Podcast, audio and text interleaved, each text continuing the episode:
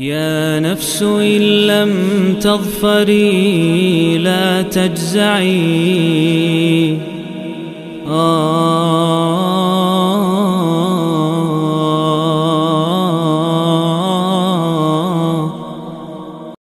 Bismillahirrahmanirrahim Alhamdulillah Wassalatu wassalamu ala rasulillahi amma ba'd Masih bersama program 114 hari menjelang bulan Ramadan Kali ini bersama surat An-Nur surat ke-24 Surat Madaniyah ini diturunkan setelah surat Al-Hasyr Dan sebelum surat Al-Hajj. Surat yang terdiri dari 64 eh, ayat ini disebut dengan surat An-Nur karena memang kata nur nur atau an-nur dengan alif lam atau tanpa alif lam dengan al atau tanpa al ini disebut tujuh kali di surat ini. Terlebih di ayat 35 nya Allah Subhanahu wa taala sebutkan lima kali di ayat tersebut. Allahu nurus samawati wal ard mathalu nurihi kamishkatin fi misbah. Al ayah dan menarik kalau kita perhatikan ayat ke-35 tersebut yang memang ayat populer di mana Allah Subhanahu wa taala sebutkan nur lima kali, kemudian setelah itu Allah menyebut tentang salat.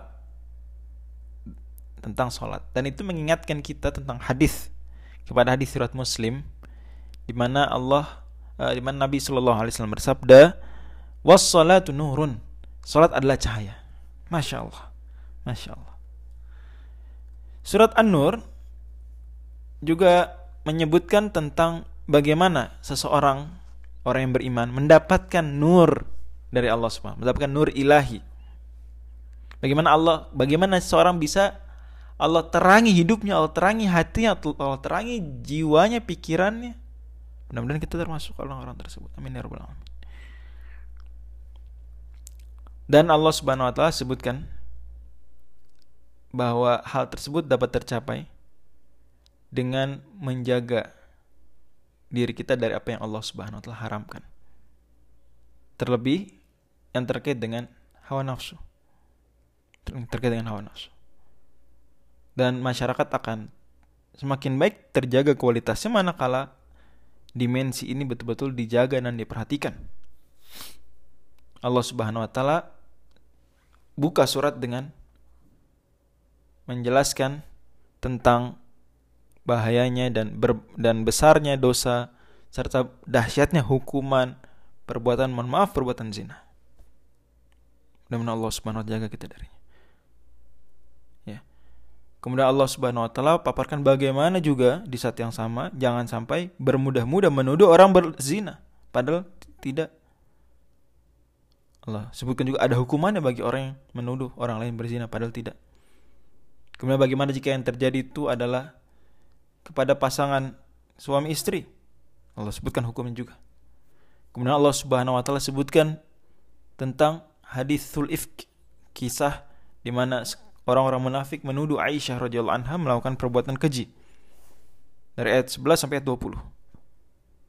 Kemudian Allah paparkan di situ bagaimana sikap yang seharusnya masyarakat lakukan, kaum mukminin lakukan terhadap berita-berita yang hoax, terhadap tuduhan-tuduhan yang sembarangan terhadap hal-hal yang mungkin diinginkan dibaliknya untuk menyebarkan, membuat populer kekejian. Jadi kekejian ini jadi akrab di telinga masyarakat. Kekejian ini jadi akrab menjadi pembicaraan masyarakat. Padahal tidak seharusnya seperti itu. Allah sebutkan. Kemudian Allah Subhanahu wa taala mengajarkan kita bahwa hal tersebut dijaga juga tidak hanya di tengah masyarakat tapi juga di diri kita sendiri. Dia 30 Allah perintahkan untuk menjaga pandangan. Ayat 31 ayat 30 bagi laki-laki, ayat 31 bagi wanita. Allah perintahkan juga di rangkaian ayat tersebut tadi bagaimana aturan menutup aurat. Allah perintahkan juga bagaimana seharusnya meminta izin masuk karena kalau minta izin masuk uh, kalau masuk tanpa izin maka kemungkinan besar mungkin melihat yang uh, tidak tertutup di ayat 58 di ayat 59. Allah Subhanahu wa taala menyebutkan juga etika bagaimana bertamu dan menyambut tamu di ayat 61. Karena dari situ bisa jadi ada fitnah yang muncul. Allah Subhanahu wa taala juga sebutkan tentang anjuran menikah di ayat 32. Karena itu di antara solusi. Allah Subhanahu wa taala juga di ayat 21 wanti-wanti, jangan ikuti langkahnya setan karena ya Allah bisa jadi ada orang dia tidak sadar mengikuti selangkah demi selangkah. Ternyata itu langkahnya setan menuju hal yang mungkar. Kemudian Allah Subhanahu wa taala juga ingatkan tentang pentingnya ibadah, utama lagi sholat. Terlebih lagi bagi laki-laki di masjid. Terlepas hukumnya apakah fardu ain, fardu kifayah atau sunnah muakkadah, tapi sangat ditekankan jelas. Allah bahkan meskipun dia apa? Dia sibuk bekerja tetap Allah sebutkan rijalun la tu, la tulhihim tijaratun wala bayun an dzikrillahi wa iqamis salati wa ita'iz zakati yakhafuna yawmat taqlabu fil qulub wal absar. Meskipun sibuk berdagang tapi tidak disibukkan itu. Hal itu tidak membuat mereka lalai dari beribadah. Ini Allah Subhanahu wa taala juga sebutkan bahwa barang siapa yang serius menjaga itu, Allah kemudian uh, Allah akan berikan kepadanya kekuatan di tengah masyarakat, kejayaan, kekokohan. Allah Subhanahu wa taala firmankan di ayat 54 dulu ya. Eh, Qul ati'ullah wa ati'ur rasul. Fa in tawallaw fa inna ma alima hummila wa alaikum humiltum. Taati Allah, taati Rasul. Perintah taat pada Allah, taat pada Rasul.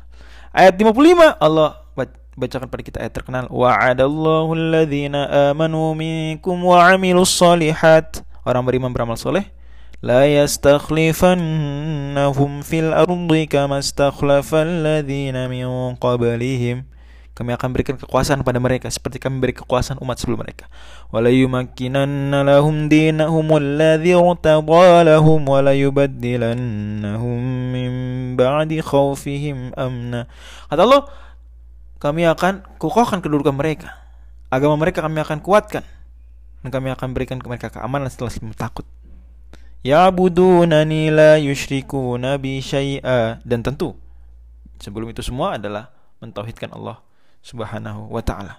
Dan kalau kita lihat ya surat yang begitu penting ini tidak heran kalau Nabi sallallahu alaihi wasallam sabdakan dalam hadis riwayat Al-Baihaqi dalam Syu'abul Iman kata Nabi alimu rijalakum surat Al-Maidah wa alimu nisaakum surat An-Nur.